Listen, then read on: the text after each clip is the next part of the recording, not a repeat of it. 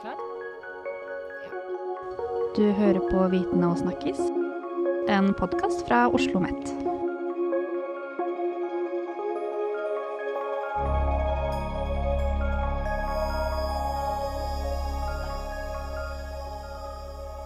Og velkommen til Viten og snakkis, Oslo OsloMets forskningsformidlingspodkast.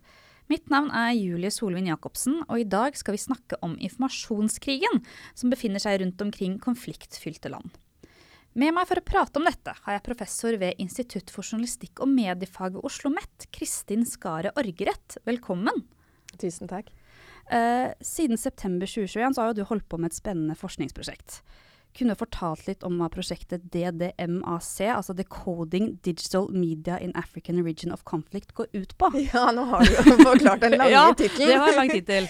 det er jo veldig mange forskningsprosjekt som har, skal ha et sånt akronym, altså en bokstavforkortelse, så da er det DDMAC for kort. Men nå det består altså da for eh, eh, å dekode digitale medier i eh, afrikanske regioner som er i konflikt. Og, og, vi ser jo i økende grad at digital eh, kommunikasjon, digitale medier, har innvirkning på hvordan konflikter utvikler seg. Og så fant vi ut at det var et stort behov for mer kunnskap om hvilken rolle digitale medier faktisk spiller eh, i konflikter. Så forskningsprosjektet er født ut av, som forskningsprosjekter ofte er, et samspill mellom både individer eh, og institusjoner. Så i prosjektet vårt så deltar, eh, i tillegg til meg, eh, professorer fra universitetene Leiden og Utrecht, som er i Nederland. Og så forskere fra universitetene i Bamako i Mali og Addis Abeba i Etiopia. Og I tillegg så har vi med dataforskere fra Oslo her fra Simula eh, forskningsinstitutt, som ligger rett nedi gaten her. Christian Augusts gate. Og, og, alle vi jobber sammen, så det er et veldig tverrfaglig prosjekt, som du skjønner. Eh, og som kombinerer da alt fra medier og konfliktstudier, eh, antropologi og mer samfunnsvitenskapelig dataanalyse. For å da nettopp få mer kunnskap om hvordan ikke minst desinformasjon og, og, hatefulle ytringer spres gjennom digitale nettverk og påvirker direkte voldelige konflikter. Og det står i prosjektbeskrivelsen at dere skal samle empiri knyttet til forskjellige gruppers bruk av f.eks. sosiale medier. Um, og for de som ikke vet hva empiri er, så er jo det da data innenfor forskning som grunner seg på erfaring. Uh, hvordan spesifikt går dere frem for å samle empiri i ja. dette prosjektet? Ja, Det er et godt spørsmål. Og Her jobber vi da på flere nivåer og, og med flere forskningsmetoder parallelt. Så vi arbeider med såkalt dataskraping, som handler om å hente inn store mengder eh, informasjon fra sosiale medier og digitale medier. Um, og her har vi begynt med Twitter uh, først, siden det er enklest å få tilgang til, og også fordi det er en plattform som selv selv om man kan si at det først og fremst er et plattform for elitene, det sier man jo ofte uh, globalt også, uh, og det gjelder ikke minst i de landene vi jobber med på det afrikanske kontinentet, men så er det allikevel en plattform som vokser raskt i begge land. Og så er det uhyre interessant å se på samspillet, og det er også en viktig eh, bestanddel av prosjektet vårt. Samspillet mellom de nye digitale mediene og de mer tradisjonelle, konvensjonelle mediene. Og det er jo slik at på det afrikanske kontinentet så er det jo radio som er det viktigste mediet fremdeles. Mm. Uh, men, men, jeg må bare skyte inn da. Hva er forskjellen da på liksom nye medier og de tradisjonelle mediene? Nei, Da skiller vi mellom altså, digitale medier, uh, det som foregår på digitale plattformer, som grovt sett, og de konvensjonelle mediene, altså som aviser, uh, radio og, og TV. Nå er det klart at det er glidende overganger her, etter hvert som da um, aviser og radio og TV i økende grad også publiseres uh, digitalt. Så her er det jo uh, mange overlappinger. Men som sagt, på det afrikanske kontinentet så er uh, den gode, gammeldagse radioen fremdeles et veldig, veldig viktig medium. Og det handler jo både om at det er billig, man trenger ikke å ha elektrisitet. Det når ut i områder hvor det vanligvis kanskje kan være vanskelig både med, med data, data og, og strøm. Men også det at det er jo i en del afrikanske land en stor andel um, analfabetisme, som da gjør at det er enklere å, å høre på radio enn å, å, lese. Men det vi ser, da um, Derfor kan man jo si at men hva, hvor relevant er det egentlig å, å, begynne med å se på Twitter, og hvordan Twitter er med å spre desinformasjon og, og hatefulle ytringer i disse regionene. Og det veldig interessante der, og som vi har begynt å se på, men som vi skal fortsette å gå nærmere inn på, er hvordan de konvensjonelle, altså de tradisjonelle mediene som radio, bruker også eh, digitale medier. Et eksempel hvordan um, på radionyheter om morgenen eh, radiojournalistene, reporterne, leser opp direkte Twitter-meldinger, f.eks. Så her ser vi at det er eh, glidende overganger begge veier, som er veldig, veldig interessant da, når vi er interessert i hvordan datamengder og fortellinger reiser og sprer seg, for det er jo det vi er opptatt av. For Dere fokuserer jo da spesifikt på digitale medier, men da implisitt litt radio med tanke på at de leser opp Twitter-meldinger. Ja, ikke sant? Ja. Og uh, overlappe samspillet, om du vil. Ja, ja. ja. Uh, og da, men jeg må bare også spørre angående det du sa om at dere samla inn dataer, mm. eller som data, mm. med tanke på at jeg også er jo en dataingeniør, så jeg blir litt nysgjerrig. Hvordan får dere tilgang til de dataene her? Ja, det er et veldig godt spørsmål. Uh, og her er jo, som sagt, så samarbeider vi nært med Simula forskningsinstitutt, og der er noen som virkelig er i forskningsfronten når det gjelder nye metoder for å samle inn data. og veldig gøy, må jeg bare skyte inn der. I sommer hadde vi også, takket være Simula, med en intern, en som gjorde sommerjobb hos Simula, og som jobbet da i prosjektet vårt i, i ja, to-tre måneder i sommer. Og hun var da student i kjernefysikk på UiO. Universitetet i Oslo, og bidro også inn med sånn super uh, fremadrettet, fremoverlente metoder for nettopp hvordan man foretar denne dataskrapingen. Men helt sånn enkelt så kan man si at Twitter er mye enklere å forske på fordi at det er mer åpent. Det er lettere å gå tilbake i tid, og det er lettere å få tilgang på informasjon. Facebook er jo som kjent vanskelig å få, det er jo en del av problemet også, eh, at vi vet veldig lite om hva som foregår eh, innad i selskapet. Um, så derfor så er vi her spesielt opptatt av hvordan store datamengder reiser, altså hvordan de får flytter seg mellom personer. Og vi ser f.eks., og det er enkelt hvis man går inn og ser på Twitter ved hjelp av denne dataskrapingen, og vi får laget disse store kartene som er veldig visuelle eh, og fine å se på, hvordan da én eh, hashtag eller en spesiell melding, et ord eh, eller et konsept reiser i da dette virtuelle eh, universet. Og vi kan se at det samler seg informasjon rundt noen noder, noen kjerneaktører, som blir spesielt viktige i å spre informasjon. Og det er jo veldig interessant her, både fordi at vi er opptatt av hvordan informasjon sprer seg i, i to regioner, Sahel eh, og hornet, Afrikas horn. Og, og, da er vi ikke bare opptatt av liksom de nasjonale grensene, men også hvordan informasjon sprer seg innad i disse regionene. Men også hvordan det sitter noen viktige personer, ofte i utlandet. Vi snakker om diasporaen, altså de som har flyttet ut av landet sitt, men fremdeles da kommuniserer innad. Og det kan være viktig når vi ser på hvordan meldinger om konflikt og krise sprer seg. Hvem er det egentlig som styrer de meldingene? Hvordan reiser de i disse uh, virtuelle universene? For da er det disse sånn kjerneaktører, så mener du da f.eks. en bruker på Twitter, ja. som når, når først den får tak i en hashtag, så sprer det seg enormt mye raskere. Ja. Så det vil si at den personen da, eller den brukeren har mye, mye, mer makt. Helt klart. Og da er det jo veldig interessant å se hvordan disse brukerne, hvordan disse aktørene, hvordan disse eh, formidlerne snakker sammen, og hvem de er. Og der kan vi jo se at noen har f.eks. veldig mange følgere, og da har de jo mer makt, som du sier, og de står mer sentralt. Så vi, vi ønsker å få mer informasjon. Vi vet allerede litt om dette, både på det afrikanske kontinentet og internasjonalt. Men vi ønsker enda mer informasjon og se tydeligere sammenhengen mellom disse meldingene som sprer seg, og det som skjer på bakken. Men med tanke på dataskraping, som dere gjorde da på mm. Twitter, tok dere da kontakt med Twitter selv? Eller brukte dere kun all informasjon som allerede lå ute? Vi begynte med all informasjon som lå ute, og så har vi nå søknad inne om å få mer informasjon. Og I tillegg så er vi også veldig opptatt av andre plattformer. Vi ser at eh, eh, Telegram, WhatsApp er veldig mye brukt. Og WhatsApp fungerer egentlig som en plattform, nærmest som en kringkaster, fordi at man har da der har du et antall grupp, uh, gruppemedlemmer eh, som du kan invitere inn, eller som kan bli, komme inn og være en del av gruppen. Og, og, der sender man også i økende grad lyd og bilder. Sånn at det blir jo på en måte små radiostasjoner eller eh, TV-kanaler, om du vil, på WhatsApp. Og veldig interessant så ser vi, og det, det overrasket oss, det hadde, var vi ikke forberedt på, men at TikTok er veldig eh, viktig både i Mali og i Etiopia.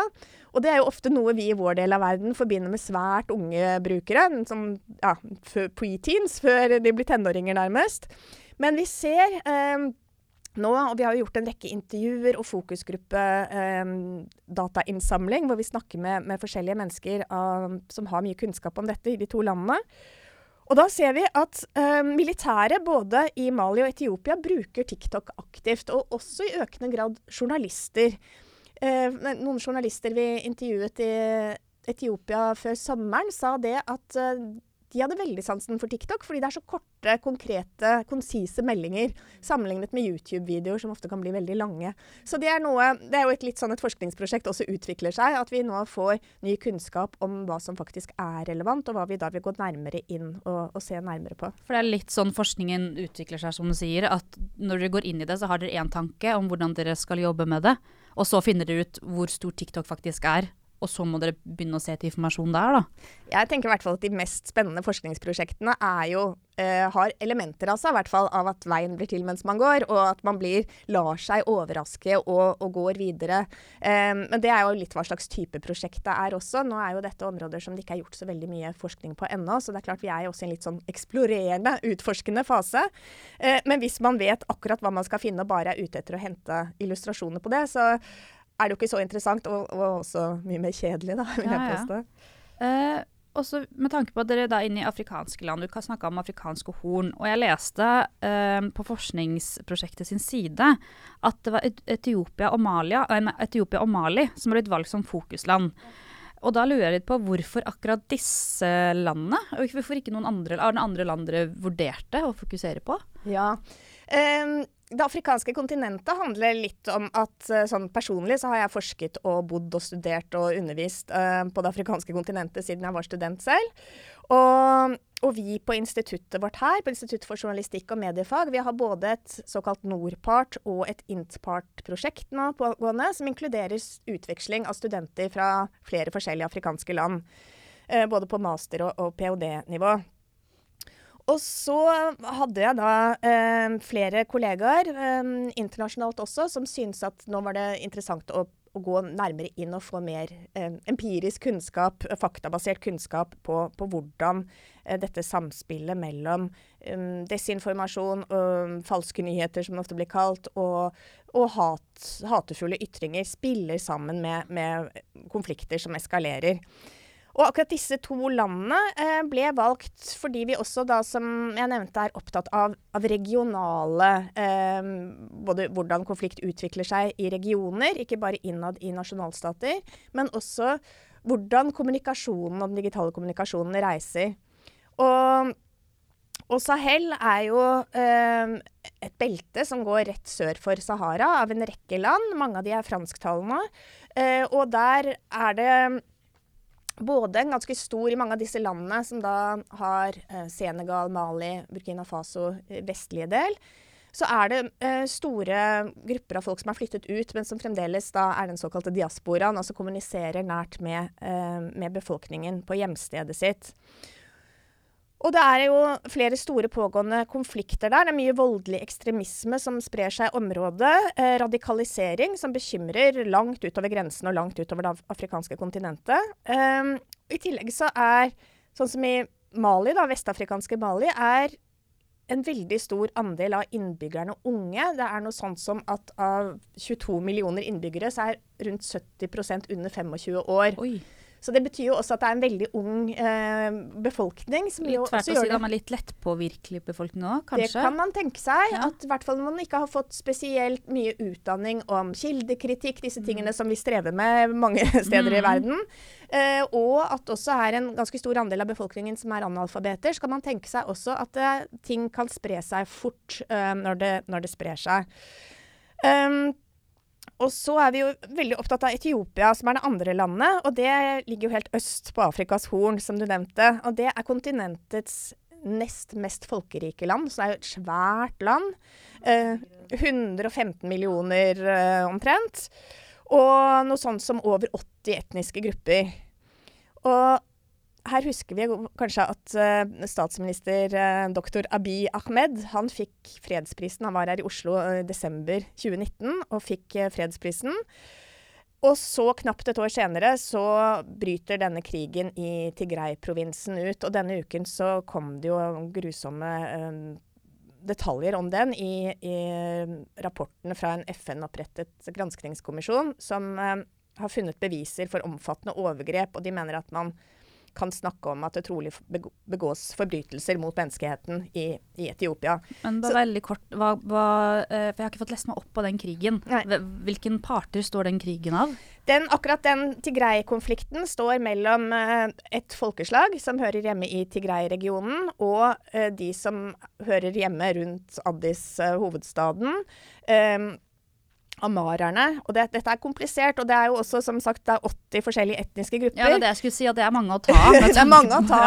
Og faktisk så er denne konflikten det er den som nå er veldig iøynefallende, og absolutt den, eh, den, mest problematiske. Men det er også andre konflikter, bl.a. med oromo-folket, som ligger der som hva skal man si, litt sånn udetonerte bomber i Etiopia. Så det er et sammensatt og veldig komplisert land å styre. Um, og helt kort så handler dette om diskusjoner, uenighet om makt, naturligvis. Men eh, Tigray-befolkningen hadde mye mer makt i tidligere eh, historiske faser, og har mistet mye makt, føler de nå, og er uenige i hvordan man skal løse maktfordelingsspørsmålet. Og så er det ganske stor uenighet om hvordan krigen startet i november 2020. Eh, om det var slik at det var statsminister Abiy Ahmed som gikk til krig eh, mot Tigray-provinsen, eller hva som egentlig utløste det. Der er det mange forskjellige historier. Um, men det er ingen tvil om nå at det som foregår i regionen er uh, svært, svært problematisk. Og vi valgte jo da uh, disse to regionene og disse to landene. Uh, det var flere grunner til det, men kan jo si at det som har skjedd siden vi skrev vår forskningssøknad til uh, Norges forskningsråd, uh, har jo har, Begge disse krigene har eskalert, og det viser også at de henger sammen med det som skjer internasjonalt og geopolitisk, særlig da i Mali, med uh, Russlands rolle, Kinas rolle. Det er store ting her. Men det viser jo også at disse to eksemplene var veldig godt valgt. Eller vi hadde for å si det sånn, litt flaks med de to eksemplene. Da. Forferdelig nok. Forferdelig for de menneskene som bor der.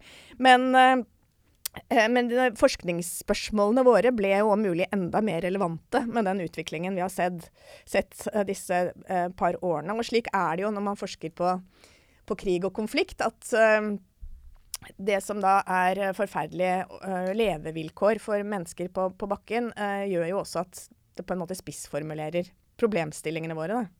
Uh, om det da er to parter mot hverandre i en krig, eller flere parter, selvfølgelig, det kan være mange parter, hvor viktig er det da egentlig å vinne den digitale informasjonskrigen? Eller det jeg egentlig lurer på, er jo hvordan påvirker den digitale krigen den ekte fysiske krigen? For jeg ser for meg at det er noe av det dere prøver å se inn på, da. Absolutt. Absolutt. Og vi vet jo det at strategisk bruk av informasjon, um, omdømmebygging og evnen til å manipulere eller styre andres informasjon er og har alltid vært et uh, konkurransefortrinn, for å bruke et slikt ord. Det har vært en veldig viktig del uh, av krig og konflikt. Og det ser vi jo kommer tydelig fram i den pågående uh, krigen i, i, Ukraina også. Bevisst spredning av informasjon. Det kan være enten villedende informasjon, det kan være direkte falsk informasjon, eller det kan være reell informasjon, men som blåses opp eller løftes opp på en måte at den får viktighet. At den blir større enn det den egentlig er. Ja, ja. at man blåser opp deler av sannheten. Mm. Eh, det er jo en, en, viktig del av kommunikasjon knyttet, knyttet til kriger.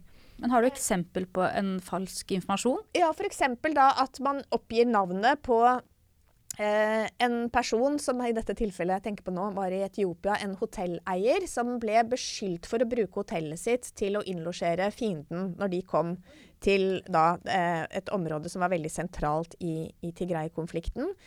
Og dermed så spredte navnet sitt seg. Han mente at han ikke hadde noe valg, at de bare trengte seg inn og, og tok seg til rette i hotellet hans og spiste maten uh, de fant der.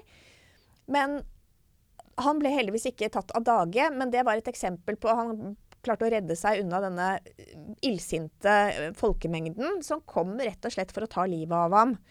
så det er jo et, et lite eksempel på, på, noe av dette vi ser, hvordan det som sprer seg i sosiale medier, kan ha utslag på bakken. Men fordi Da lurer jeg, lurer jeg på videre eh, fordi Hva gjør en del av en krig da? En, en, vi sier vi er to deler, eller to partier. Siden ene partiet har, partiet har lyst til å vinne den, både liksom fysiske krigen og digitale krigen. Hvordan går de bevisst inn for å vinne den digitale krigen? Hva må de sette i gang? Hva må de gjøre for å få med seg flest folk? Ja. Jeg tror jo at dette skjer på alle sider. Og vi kan snakke om eh, også de mer eh, gode sidene i en krig. Hvis vi kan snakke om uh, gode krefter og dårligere krefter her, så, så er jo dette prosesser som skjer um, i alle typer konflikter. At man ønsker å fremme sin fortelling av hva som foregår. og, og bygge opp sitt eget omdømme. og som sagt, det handler jo da også om å samle folk ofte. Om noen uh, heltefortellinger eller noen rollemodeller.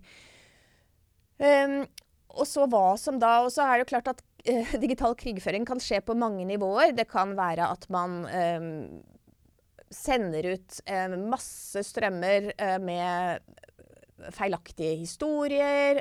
At det er så mye misinformasjon og desinformasjon at det blir vanskelig å skille mellom hva som er sant og usant.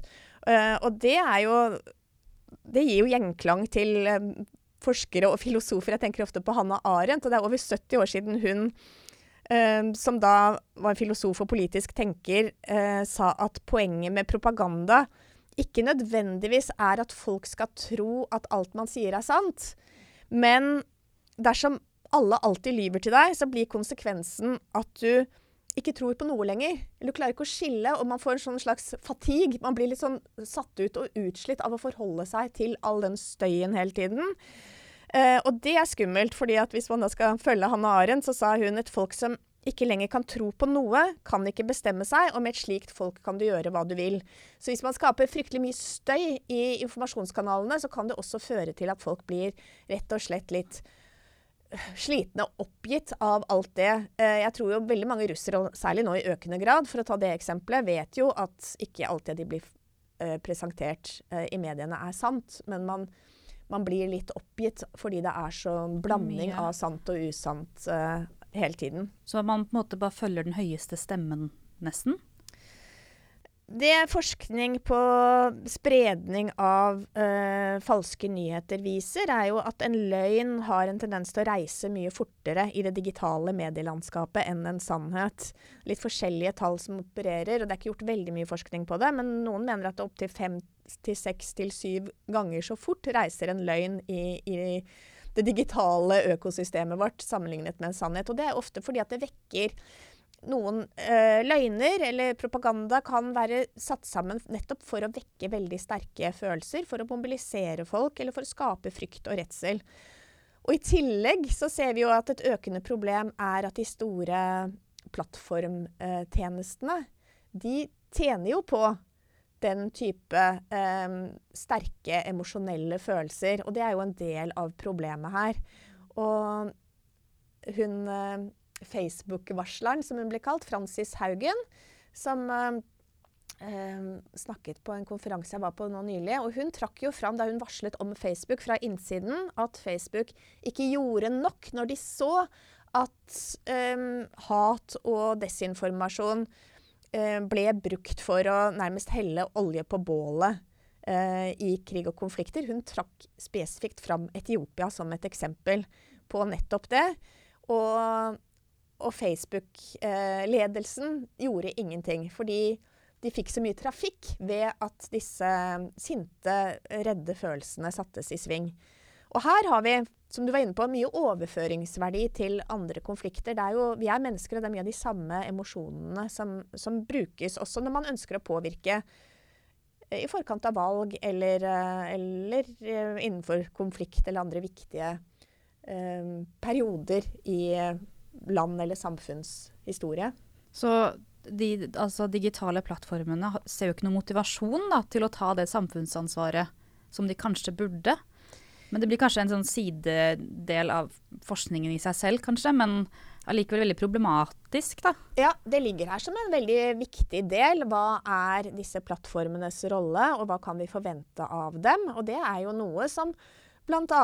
Eh, fjorårets nobelvinner Maria Ressa har vært veldig, veldig opptatt av at vi er nødt til nå å konfrontere de store digitale plattformene med eh, den rollen de spiller, og kreve mer innsyn, mer transparens, og også at vi kan forvente eller kreve av dem at de tar et oppgjør nettopp med at de blir eh, brukt, eller ja, er med på å, å skape splittelser og vanskeliggjøre eh, demokratiske prosesser. Men med tanke på da at eh, det ønskes mer innsyn hvordan er reaksjonene deres, eller hvor enkelt er det for dere å få innsyn i Facebook, Instagram, Twitter? Går det ganske greit, eller er det litt sånn restriktive, selv om dere sier dere er forskning, forskningsprosjekt? Ja, kanskje liksom? særlig derfor. Ja. ja.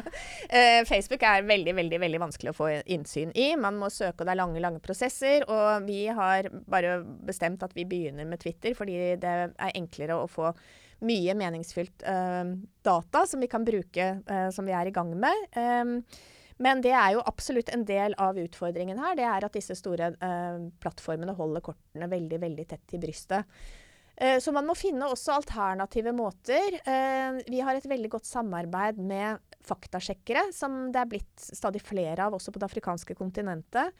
Eh, og i Etiopia så har vi nå fått i gang et samarbeid med faktasjekkere. Og de sitter jo hver uke og finner nettopp Vurderer eh, informasjon og sannhetsgehalten i den informasjonen. Eh, kan finne spesielle aktører og hashtagger, sånne emneknagger, som er spesielt mye knyttet til spredningen av, av desinformasjon, f.eks. Så det kan være én vei inn i å se på materialet. Men som sagt eh, Twitter er enklere å gå tilbake i tid, mens, eh, mens Facebook er, er, mye vanskeligere å, å forske på. Og, vi har snakket mye om informasjonskrigen i afrikanske land. Mm. Uh, men jeg ønsker å høre litt om sammenlignet med den digitale krigen i f.eks. Ukraina-krigen. Mm. Har, har, dere tittet noe på det i det hele tatt, eller ser du noe forskjell der? Ja, jeg var jo litt inne på det. At det er jo mye av de samme mekanismene som skjer i, i krig og konflikt. Og at man ønsker å vekke sterke følelser, eh, skape samhold, peke på en fiende. Og alt dette ser vi jo veldig tydelig igjen i krigen, den pågående krigen i Ukraina. Og, og det har vært naturlig. Eh, vi har jo en forskergruppe her på Oslo OsloMet som heter MEC, Medier i krig og konflikt.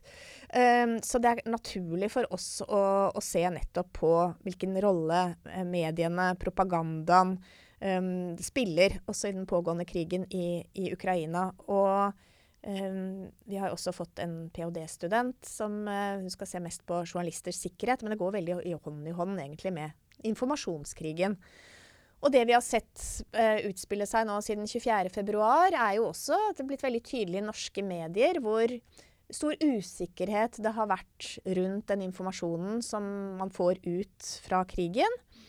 Uh, og mange av uh, korrespondentene, journalistene, har jo også vært veldig opptatt av å vise fram det og understreke at her er det mange motstridende meninger. Her er det mye informasjon som vi ikke er helt sikre på sannhetsgehalten i. Eh, og så har jo de store, flere av de store eh, mediehusene våre satt ned egne eh, arbeidsgrupper som sjekker informasjonen ut fra krigen spesielt grundig, fordi man vet at eh, her er det mange som har, kan ha interesse av også å, å, forfalske nyheter. For jeg ser for meg, Med tanke på Ukraina-krigen, så er det for de aller, aller fleste veldig enkelt å se en god side mm. og en ond side. Mm. Så når det først kommer desinformasjon da, som eh, bygger på liksom, Ukraina og deres identitet og deres krigføring, at selv om det er feil informasjon, så er man kanskje litt mindre kritisk fordi det er informasjon man ønsker. Og at det er liksom, vi ser, det som, ser på det som god informasjon, da, selv om det er desinformasjon. Ja. Så da er det jo på en måte ekstra vanskelig å ha de kritiske øynene. Ja, det har du helt rett i. Og, og kanskje da at den ideen om at journalistikken skal være objektiv, eh, ikke kommer helt i mål der. Og da er det jo spørsmål som flere har vært opptatt av de senere årene også, at det objektivitetsidealet kanskje står litt for fall. At man kanskje heller skal snakke om i hva slags grad man får tilgang på god informasjon. Og nå i de siste årene er også dette med faktasjekking vokst fram som noe veldig, veldig viktig. Eh, og man tar jo i bruk stadig mer eh, teknikker som gravejournalistikk tradisjonelt har brukt. og man kombinasjon med nyere teknikker som geolokalisering og den type ting, for å se om det faktisk stemmer at disse bildene er tatt der de sier de kommer fra. Ja, for alle bilder har jo med seg informasjon.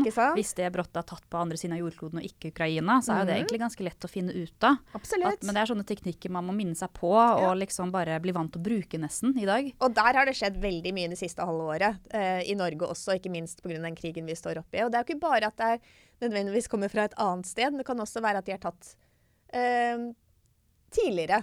Uh, Dette er jo en krig som har pågått siden 2014, selv om den da tok en helt ny fase i år. Mm. Um, men er, vi har jo sett at en, noen Godt av de bil bildene ja. um, Blant annet så var det jo noen bilder som ble delt av den uh, svenske tidligere statsministeren, og som spredte seg enormt raskt i sosiale medier.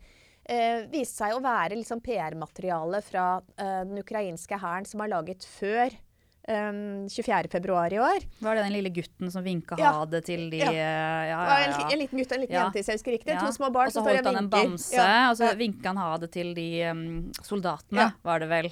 Og det bildet hadde jo vært veldig flott om det var ekte, men det så jo veldig Iscenesatt ja, iscenesatt ut. Men når en person med såpass mye makt eh, publiserer det, så skjønner jeg at man tror på det. Og der har du et veldig godt poeng. Eller du har to, to, veldig gode poeng. Det ene er det du sier med at man så det jo egentlig hvis man hadde litt, et litt eh, kritisk blikk. Og det er jo ofte noe vi kan huske på at hvis noe virker for godt til å være sant, så er det ofte det. Eller det kan i hvert fall gi oss en pekepinn at her må vi sjekke litt ekstra.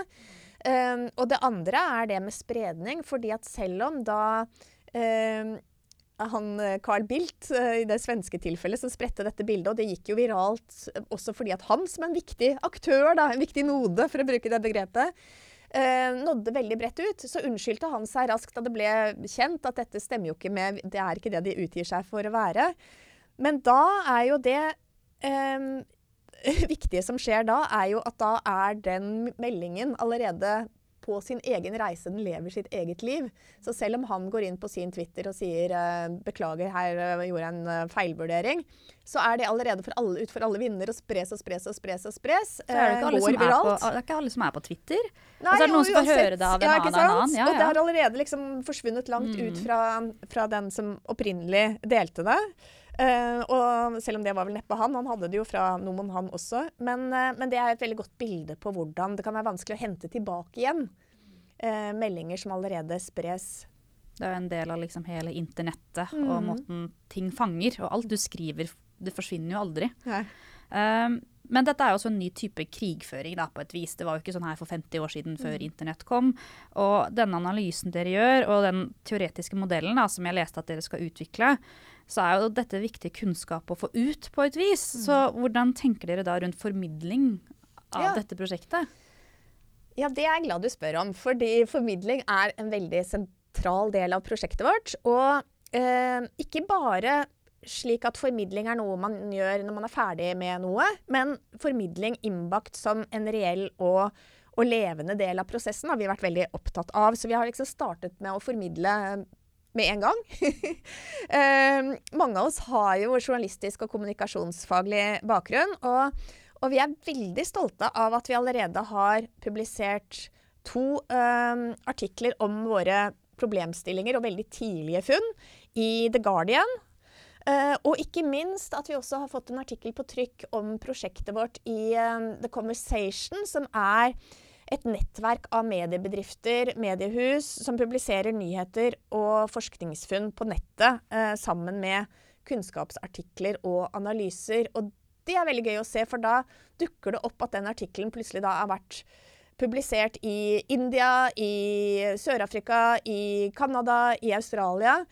Eh, det brukes fortløpende ja. det dere finner, da, egentlig? Ja, så. Er, det er jo mye av disse problemstillingene som er relevante Uh, i egenskap av å være problemstillinger. Og så har vi jo da hatt, uh, vi hatt to uh, runder både i Mali og i Etiopia med uh, sånne gruppedialoger og intervjuer med journalister, redaktører, um, folk som jobber med ytringsfrihet, faktasjekkere.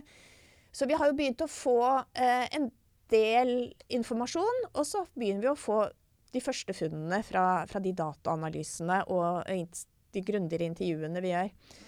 Ja, og så skriver vi blogger, og vi hadde også med en egen filmskaper til Etiopia i mai, og det var veldig gøy, for hun har laget sånne små miniportretter, veldig sterke eh, snutter av noen eh, spesielt interessante journalister og faktasjekkere som eh, nettopp også kan gi eksempler på, på sammenhengen eh, mellom det som skjer i det store digitale og, og på bakken.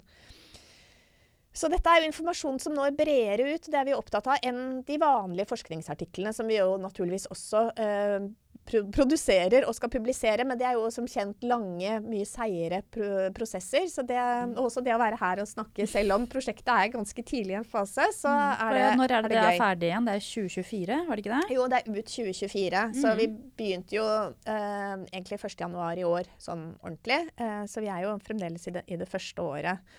Og så var det veldig flott da prosjektkollega professor Brus Mutsvairo fikk dele scene med eh, fredsprisvinner Maria Ressa her i Oslo for et par uker siden på ytringsfrihetskonferanse. Eh, og, og, fikk snakket om dette DDMAC-prosjektet vårt. Da. Så vi prøver å, å, ja, å spre eh, informasjon, kunnskap om prosjektet vårt, om det vi er interessert i, og den veien vi ønsker å gå. og Derfor har vi også kontakt med Den afrikanske unionen, UD og ambassadene eh, både i Mali og Etiopia, og UNESCO og, og, andre organisasjoner. For vi er jo også opptatt av at disse funnene våre skal kunne bidra til å forme både kunnskap og også politikk da, på, mm. på sikt. Og et eller annet utvikle noe som kanskje kan stoppe alt av den negative flyten, mm. og få litt mer kontroll, da, kanskje. For det virker veldig kaotisk, måten, det, måten hele prosessen er nå.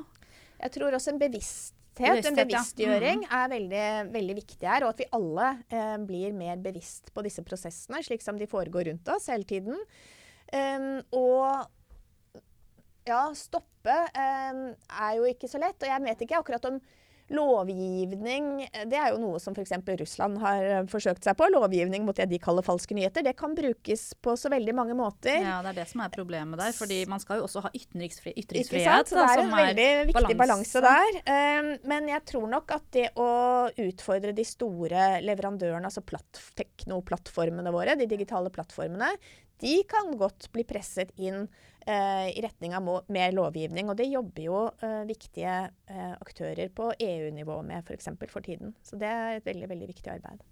Veldig godt poeng. For det å mm. skulle legge ansvar over på enkeltindivider når det er disse store digitale husene mm. som har så mye makt. da. Mm. Da, jeg tror det, vi må operere på flere nivåer samtidig her. Ja. Men uh, det med bevissthet, og det at vi alle kan tenke hvis det er noe som opprører oss veldig, som gjør oss spesielt veldig sinte eller redde, uh, at vi da kan kanskje puste litt med magen før vi reagerer, kan jo være noe som vi alle kan uh, ha glede av å tenke litt, litt mer på. Ja, men Flott. Jeg tror ikke jeg har noen flere spørsmål. og Jeg har lært masse. Jeg syns det er et veldig interessant tema i det hele tatt. Så tusen takk for at du ville komme hit Veldig hyggelig å snakke med, meg. deg, Julie. du hører på Viten og snakkes, en podkast fra Oslo OsloMet.